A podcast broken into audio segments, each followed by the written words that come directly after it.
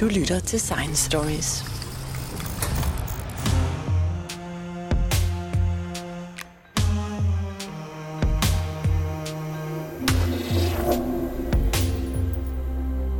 Midt under covid-19-pandemiens første bølge i 2020 lavede jeg sammen med professor Anders Fomskov en serie på fem podcast om, hvad vi ved om virus generelt. Og det er ikke så lidt, der er værd at vide. Men covid-19-pandemien tog ikke uden grund meget af opmærksomheden dengang. Nu er pandemien efterhånden kommet lidt på afstand, og vi synes, det vil være passende at sende serien om virus igen hen over sommeren. Og så trække linjen helt op til i dag med det aller sidste nyt om, hvad vi har lært, og hvad vi ellers kan gøre for at beskytte os mod den næste virusinfektion eller pandemi. Jeg hedder Jens Deget, og dette er Science Stories. Du lytter til Science Stories.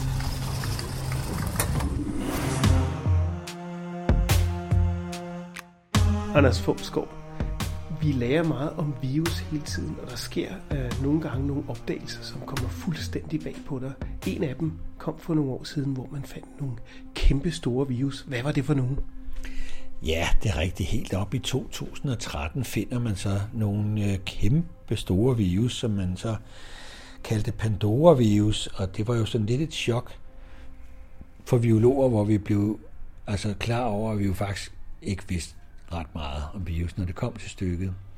Det var nogle forskere, der ligesom havde øh, let efter mikroorganismer i noget spildevand, og så havde de altså stødt på den her mikroorganisme, som var altså øh, inde i amøber, men var ligesom større end bakterier var.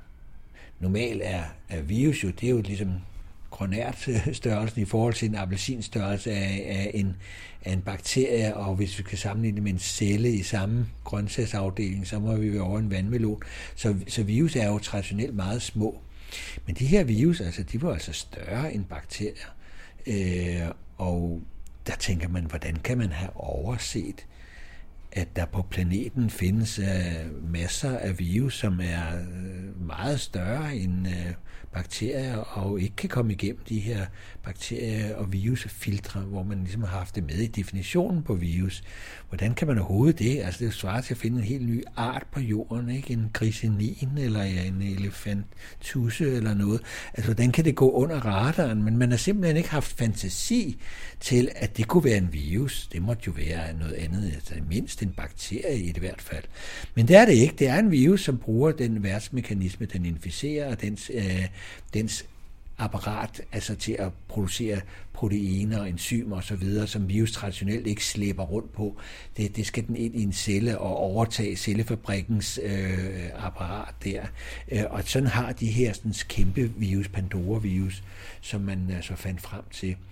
Og det var jo et stort chok, også fordi når man så undersøger, hvad det er for nogle gener, sådan en stor fætter slipper rundt på der, så må man bare sige, at øh, stort set næsten hele genmaterialet er man overhovedet ikke klar over, hvad søren det koder for for nogle proteiner og enzymer.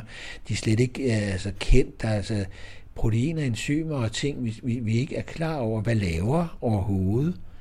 Og, og det kan jo altså, det kan jo være interessant og meget gavnligt, hvis vi nu finder nogle proteiner og enzymer, som har nogle funktioner, vi kunne udnytte på en eller anden måde. Ikke?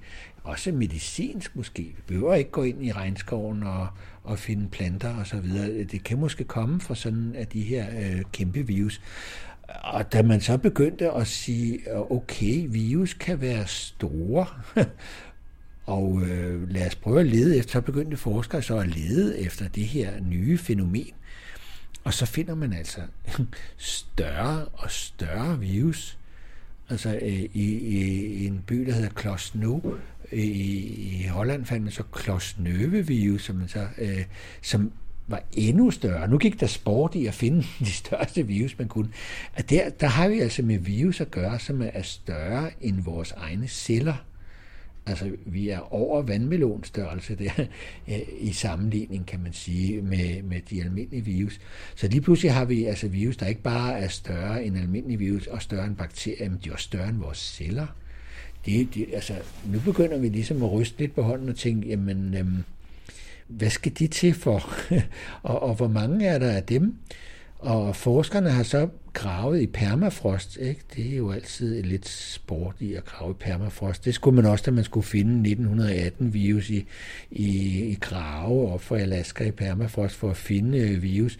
Uh, og det jo kan være godt og skidt at begynde, og det kan være, at du finder noget. ja, der fandt man altså i, 10, i 30.000 år gamle øh, iskrystaller der øh, af møbeting, øh, en, den her virus, som, som, som man tøede op, om man så må sige, og prøvede at se, om den kunne inficere øh, amøber. Det kunne den stadigvæk. Altså, ligesom den havde gjort sidst for 30.000 år siden. Det er jo nogle øh, risikofyldte forsøg, må man sige, fordi guderne må vide, hvad for en effekt det kan være, hvis nu den er farlig for amøber, og, og, og amøberne skal nok vise sig i vores øh, økosystemer og betyde ret meget også for mennesker og dyr og planter. Så øhm, jeg ved ikke, hvor smart det var at tøve ud, men det var da i hvert fald noget af en opdagelse, at, at, at de her sådan, kæmpe virus øhm, øh, ser ud til at være mere og mere avanceret også i deres gensammensætning, at man begynder at tænke, hvad, øhm, hvad kan de her, sådan, øh, hvor er de her virus egentlig øh, på vej hen? Fordi du finder større og større virus, når du leder efter dem med flere og flere gener, og øh, nogle af de her kæmpe virus, de har altså øh, snuppet noget med fra de øh, amøbeceller, de har inficeret, og, øh, og har mere og mere genmateriale. Og øh, det er ligesom om, at de har taget så store dele af det reproduktionsapparat, som amøben har med sig, at de nærmest er lige før, de er i stand til selv at reproducere sig selv. Og det var jo der, de ligesom var udelukket fra livets træ virus i forhold til bakterier, arkeer og, og vores celler og dyrene og planternes celler. Øh, fordi det, der kendetegner de tre ting på livets træ, er, at de kan reproducere sig selv. Det kan virus ikke. Men med de her kæmpe virus, som har slæbt en hel del af det her reproduktionsapparat med sig fra den celle, den har, øh, til den næste og til den næste, altså måske ligefrem i gang med at blive til liv. Så de mangler i virkeligheden bare en cellemembran omkring sig, så øh, kunne man måske forestille sig, at de kunne, at de kunne skabe liv. Ja, altså nogen har jo haft en cellemembran for det, de har inficeret, men du har, du har ret, der er, der er nogle få knaster tilbage, men der er altså ikke langt fra, at, øh, at de kan reproducere sig selv. Og man kan jo ikke lade være sådan filosofisk at tænke, om det er, er vi nu inde og kigge på øh, livs opståen? Er det, er det mekanismen, kan man sige? Kan det være, at man kan sammensætte øh, virusgener på en måde, sådan så at det bliver mere og mere avanceret og til sidst ender op med en ny livsform, og kunne ved, hvordan den nye livsform så vil ytre sig. Det, så, så har vi med en ny organisme at gøre, som pludselig kan reproducere sig selv. Øh, hvad er, er, må så må sige, øh, er virus i gang med her, ikke? Altså, og hvilken påvirkning vil det have af liv på jord, hvis vi får en fjerde arm af, af livets træ, som øh, er i stand til hvad, hvad som helst måske. Ikke? I hvert fald er det mange af de her gener, vi ikke rigtig har styr på, hvad de egentlig skal til for. Og det bliver jo meget interessant at se, om, om det kan blive til en ny livsform lige frem og om det har noget at gøre med den måde, øh, liv ligesom opstår. Det er jo sådan det mere filosofiske i at opdage øh, virus øh, fra andre organismer end lige øh, mennesker. Og man kan jo godt forestille sig, at man får altså, spildevand og fækalforurening, og vi har nogle af de her sådan, øh, ting, øh, vand, vandoverførte ting øh, i os, og hvordan vil det påvirke os? Det er jo, det er jo ting, vi spørgsmål, vi aldrig har stillet os, fordi vi, vi ikke har lagt mærke til det før. Vi har simpelthen ikke har fantasi til at forestille sig, at der var virus på den her størrelse.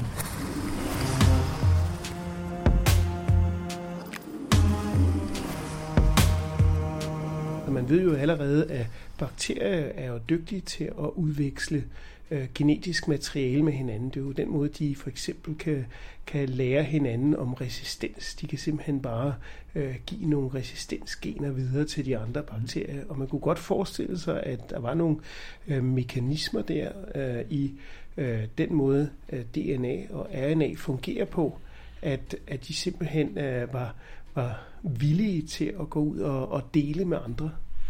Ja, men helt bestemt. Og det er jo rigtigt, at bakterierne har jo også deres virus at slås med. Så kalder vi dem bakteriofager, for ligesom at, men nogen kalder dem også virus. Men det er altså en symbiose, som, som for nogle af de her fagers vedkommende er en fordel for bakterien.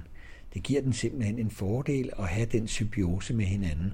Og for eksempel kan virus overføre øh, antibiotikaresistens, som du sagde, som kan sidde i de virusgener, så de overfører til hinanden. Øh, Øh, de her fæsestransplantationer, man forsøger at lave biologisk krigsmørelse over for bakterien Clostridium difficile, som jo ikke rigtig lader sig behandle med antibiotika, det vi bruger normalt. Øh, der har man så prøvet at befolke tarmen hos øh, patienter indlagt på hospital, som har modtaget meget af antibiotika, og som endte op med en infektion i tarmen der på hospitalet med Clostridium, har man forsøgt at give dem normal tarmflora. Og der har man altså set, øh, og det er jo ikke uden risiko at gøre det, fordi hvad er normalt, og det kan jo lige så godt være, at der er fyldt med også coronavirus, eller hvad ved jeg, i sin afføring eller andet, man ikke lige undersøgte det for. Og der har man lavet nogle interessante forsøg, man har prøvet at filtrere de her øh, normal bakterieflora, og så fået nogle bakteriofager, altså virus igennem filtret, og så har man prøvet at lave øh, terapi med det i stedet for, og opnået de samme effekter, som hvis du havde givet altså bakterierne. Og altså i, omkring Første Verdenskrig, hvor man havde meget dysenteri, bakteriel dysenteri, der øh, fandt man ud af, at hvis du tog det her øh, afføring øh, fra soldaterne og filtrerede det, øh, og så spiste det. øh, nu er det så filtreret, så man skal lade være at kaste op over den tanke, så der er ikke bakterier i, kun virus i. Der er man altså i stand til at kurere øh, dysenteri ved det også. Og der var det her øh, øh, firma L'Oreal, altså et kosmetikfirma, som rent faktisk producerede et lægemiddel, som var baseret på altså bakteriofager, til at behandle bakterielle infektioner, som man havde der under 1. verdenskrig blandt andet. Og så kom der en, der hed Flemming og, og opdagede penicillin, og så var det hele ødelagt. så var det antibiotika, der var det nye moderne, og så gled det lidt i baggrunden. Men man kan jo ikke lade være at tænke på, at med den antibiotikaresistens, som vi jo står over for, som kan blive en ret stor bombe under sundhedssystemet, at hvis det viser sig, at man ikke kan øh, i en periode lave nogle nye øh, smarte antibiotika, så kan man måske gå tilbage til øh, L'Oreal-ideen med fagbekæmpelse. Men jeg tænkte på en, en parallel historie fra øh, Rommels øh, indtog i øh, Ægypten, at øh, der havde de også store problemer med dysenteri under, under ørkenkrigen. Og det, der gav tyskerne en fordel, det var, at de fandt ud af, at de lokale kurerede dysenteri ved at spise frisk kamellort. Og, øh, og øh, det blev tyskerne så også beordret til, simpelthen fordi det hjalp og, øh, og så øh, gik dysenterien over. Så måske var det i virkeligheden øh, ikke bakterierne i lorten, men, men i virkeligheden øh, virus. Ja, ja det, det er meget sandsynligt. Og det giver jo sådan lidt perspektiv i, at så, hvad skal alle de mange virus på planeten? At der er jo virkelig mange, og vi ved, at der er i hvert fald omkring øh, 2 millioner af virusarter, vi slet ikke har opdaget endnu, kan man regne sig frem til. Og øh, bare antallet af virus er jo helt absurd. Ikke? Du kan jo stille alle virus i havet om på hinanden, og så rager de 42 lysår ud. Altså det er jo, hvad skal alle de er jo i alt levende, og man tænker jo ligesom, der må være en grund. Og hvis grunden er, at de sådan kan, som du siger, overføre øh, gavnligt genmateriale øh, til bakterier imellem, og øh, de kan øh, give os en, øh, en fordel nogle gange, og det kun en sjælden gang øh, går galt, om jeg så må sige, og giver de sygdomme, som jo der burde være mange, mange flere af, med så mange virus, der er. Altså, vi har jo 17-20 forskellige virusarter i lungerne, som vi ikke rigtig ved, hvad gør. Vi har også virus i blodet, vi ikke øh, har forbundet med nogen sygdom og så videre. Altså, hvad skal de? Og øh, altså, der kan man jo godt blive lidt filosofisk og sige, altså, om, omkring de her virus, om de, om, om de er med til at regulere på liv. I hvert fald omkring immunitet kan de være ved, øh, ved at regulere.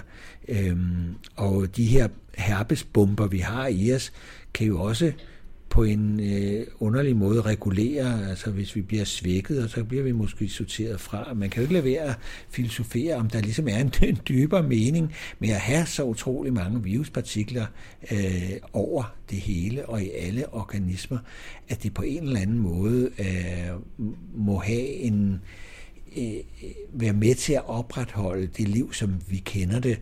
Og når man begynder at rykke ved det, så kan man måske komme til at rykke ved, ved mange øh, ting.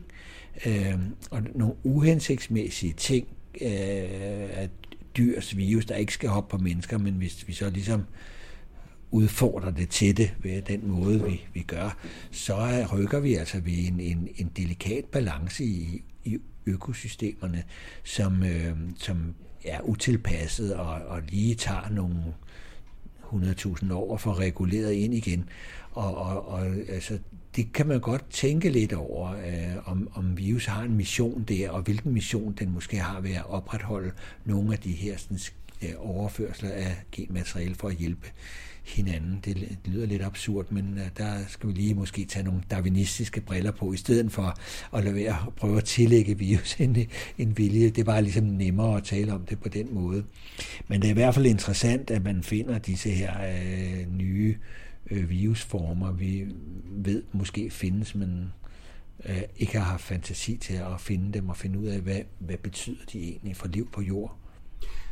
Men det er så bare de virus, som findes i miljøet eller findes i os. Øh, men hvis man begynder at kigge for eksempel i vores øh, genomer, altså da man øh, kortlagde menneskets genom, fandt man jo ud af, at det kun var omkring 3% af, af DNA'et, som virkelig kode for det, som gør os til menneske.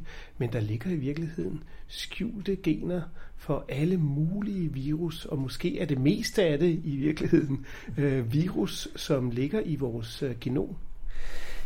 Det er en interessant tanke, ikke? Altså alle de junkbaser, som vi kalder alt det, vi ikke ved, hvad egentlig koder for, eller hvorfor det, vi kender ikke regulationsmekanismerne, som de kan have. Øh, det er der ikke koder for noget, kan man sige, men de kan jo godt have en regulatorisk øh, øh, potentiale alligevel. Men om øh, altså, at nogle af de her øh, rester af virus kender vi jo, øh, men vi har måske ikke så meget fantasi til lige at, at finde ud af, hvordan resten ligesom øh, kan have med virus at gøre. Men vi har jo for eksempel de her retrovirus stumper. Øh, omkring 8% af vores genom øh, består jo af af virus, der har sat sig ind i vores, øh, vores gener, og er med til faktisk for nogle af dem vedkommende at sikre artens beståen simpelthen ved at kode for nogle proteiner, de her syncytiner for eksempel, som får, øh, for moderkagen og det, det spæde klub af foster, øh, klub af celler af foster til at folde øh, ned og skrive fat i syncytinerne, sådan så foldningen bliver rigtig, sådan så vi får faktisk et menneske ud af det. Uden syncytiner, så ville det folde helt pjattet, og så kunne vi slet ikke lave mennesker. Så altså, nogle af dem har nogle funktioner, der er andre funktioner også. Og noget af det har til syneladen ingen funktioner. Vi kender det i hvert fald ikke endnu. Men vi ved, at, at de her retrovirus, de kan altså kommunikere sammen med nogle små molekyler, tæt og så nogle, vi kalder dem for, for HIV, som kan påvirke øh, virus øh, øh, over store afstande til at gå ind og, og til, til andre virusinficerede celler og bede den om at begynde at lave flere kopier.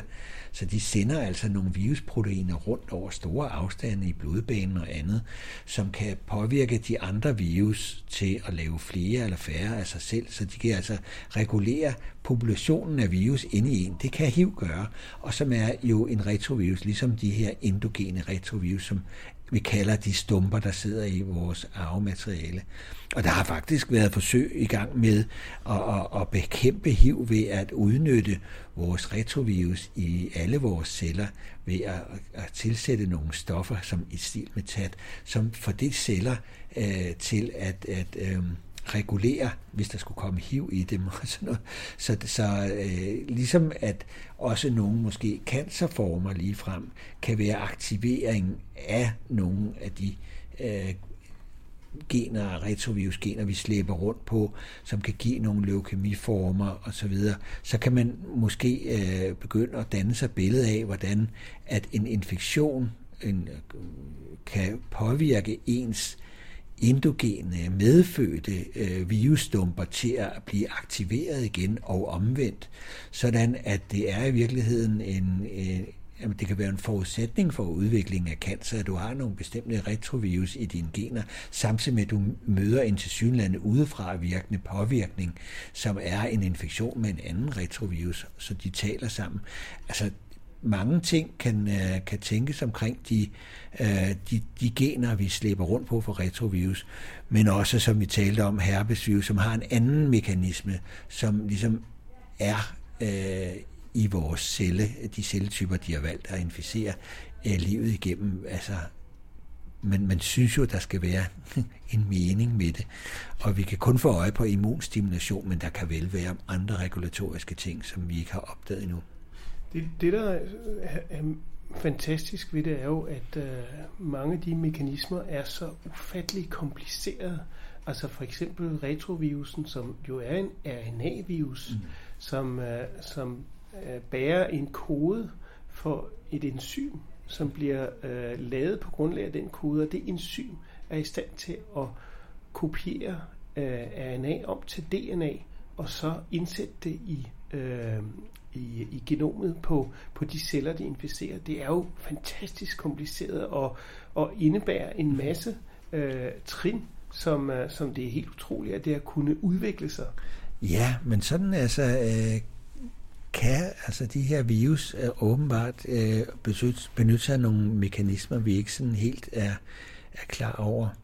Øh, jeg tænkte også på, at bakterier har man nu fundet ud af, har en slags immunsystem over for bakteriofaginfektionen, sådan hvis det ligesom er, at det ikke er en, en positiv symbiose, de er ude i, så har man altså fundet, at bakterier kan, kan gemme lidt stumper af den farlige virus, den fik, og, øh, og så har den så et enzym, der ligesom kan, kan slå, øh, klippe de her øh, genmaterialer for fremmed i, i, i øh, klippe det i stykker, hvis det, hvis det øh, øh, genkender den stump, den havde fra tidligere i sit, sit arvemateriale. Så den, den ligesom tager dem til sig lidt ligesom retrovirus. Så gemmer den lidt på det genmateriale, den virus, den fag, den har været inficeret i. Sådan, så næste gang, så kan der, hvis der er så homologi mellem de to, altså genkender den, at den bliver inficeret igen, så har den altså et enzym, der klipper i stykker øh, hvis det skulle forekomme. Så den har altså en immunologisk hukommelse. Vi kalder det for CRISPR, en helt ny opdagelse,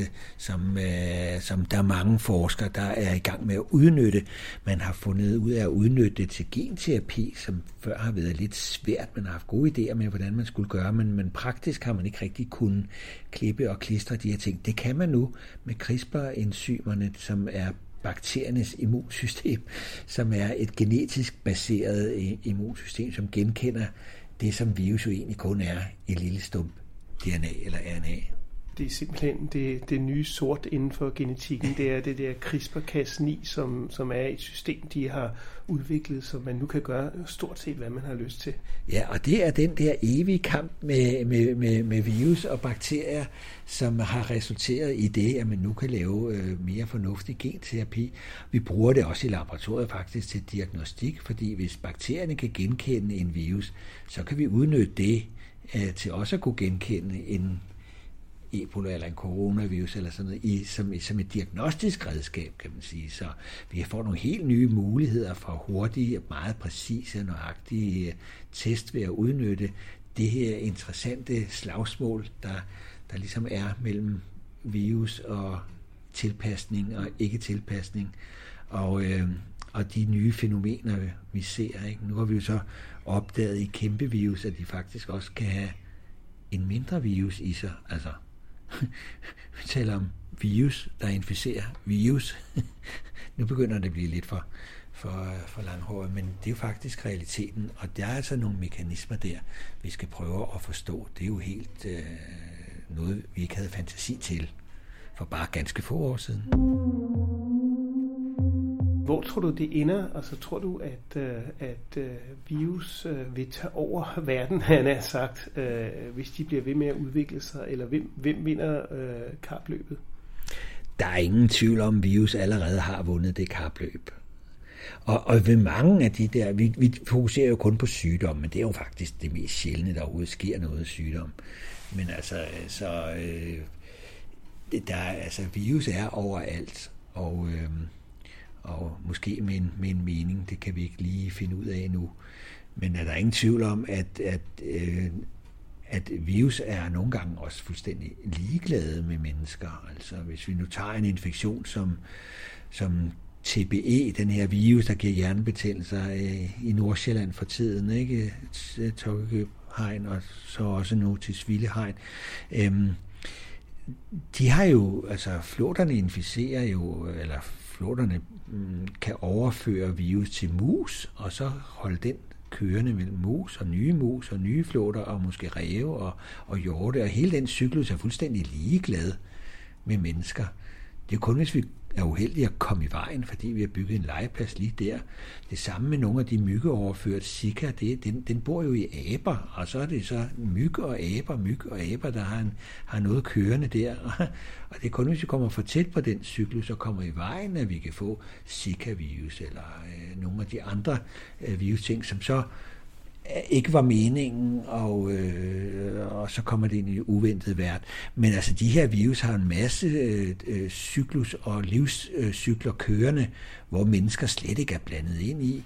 Og vi oplever det bare som sygdom, fordi vi kommer i vejen, fordi vi pludselig kommer tættere på de cyklus og de virus og de dyr og forstyrrer den der cyklus. Øh, så, så et, et virus har alle de her forskellige øh, økosystemer kørende, øh, som er til gavn for, for myg og bakterier og amøber og træer og planter. Og, og så er det, vi oplever ligesom de der utilpassede scenarier der, hvor vi får en flagermusvirus i os, som det var bestemt ikke meningen. Og så øh, går altså darwinistisk øh, epidemien, pandemien i gang, og så kan vi måske ende med at og, øh, udrydder jo ikke populationen. Vi blev enige om i starten, at så dødelig var det heller ikke, så det er jo ikke på den måde, men men der er nogle regulatoriske mekanismer, der så går i gang, at virus skal så til at adaptere sig til mennesket, hvis vi skal have en symbiose ud af det. Eller også så vinder virus på den måde, og så bliver de mennesker bare slået ihjel simpelthen. Og hvad skal man sige, øh, og omvendt kan man sige, at mennesker kan vinde over kopper og polio ved at slå dem, i, udrydde dem. Øh, og, og det er alt sammen meget godt. Det er ligesom der, hvor Ingen af dem har vundet endnu, hvor at slåskampen foregår, hvor pandemien raser, hvor, hvor vi ikke har fået udfaldet endnu. Det er der, det giver sygdom. Når først virus har vundet, som alle herpesvirus og bor i os helt fredeligt, eller retrovirus helt fredeligt med os, jamen, så er der ikke noget problem og aberne, som har øh, hivlignende virus i sig, har det fint. At den naturlige værter har vendet sig til det.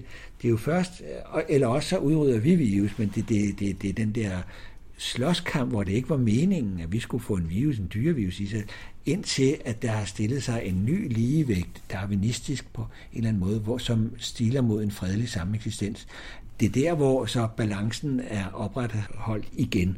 Men det kan altså godt tage nogle 10-100.000 år, ikke? og det er jo ikke altid, vi har tid til at vente på at den ligevægt. Så derfor så prøver vi jo med vacciner og medicin og, og, og, og, og nu også prøve at forstå de sammenhænge, så vi måske kan prøve at undgå nogle af de værste fadæser, kan man sige. Fordi jeg er sikker på, at virus er jo øh, med til at regulere hele den balance, der er. Og den kan man altså komme til at forstyrre med globalisering, ved tæt på dyr, ved klimaforandringer, migration af fødevarer og mennesker osv. Så, så får vi altså, griber vi ind i de der naturlige cykler, og det kan samtidig resultere i, i sygdom og måske endda øh, både sygdom, der kan sprede sig, så vi får pandemier. Og øh, så må vi se, hvor om det så ender med en, en, en, en fredelig løsning for dem, der er tilbage.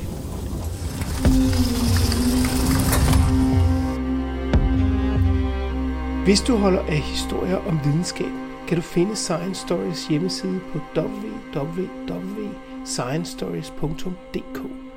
Vi er på sociale medier som Facebook, Instagram, LinkedIn og Twitter. Du kan finde vores podcast på de fleste podcastudbydere som SoundCloud, Podimo, Spotify, og hvis du bruger Apple Podcast, må du meget gerne give os en rating og en kommentar, så andre også kan finde os. Jeg hedder Jens Deget, og dette var Science Stories.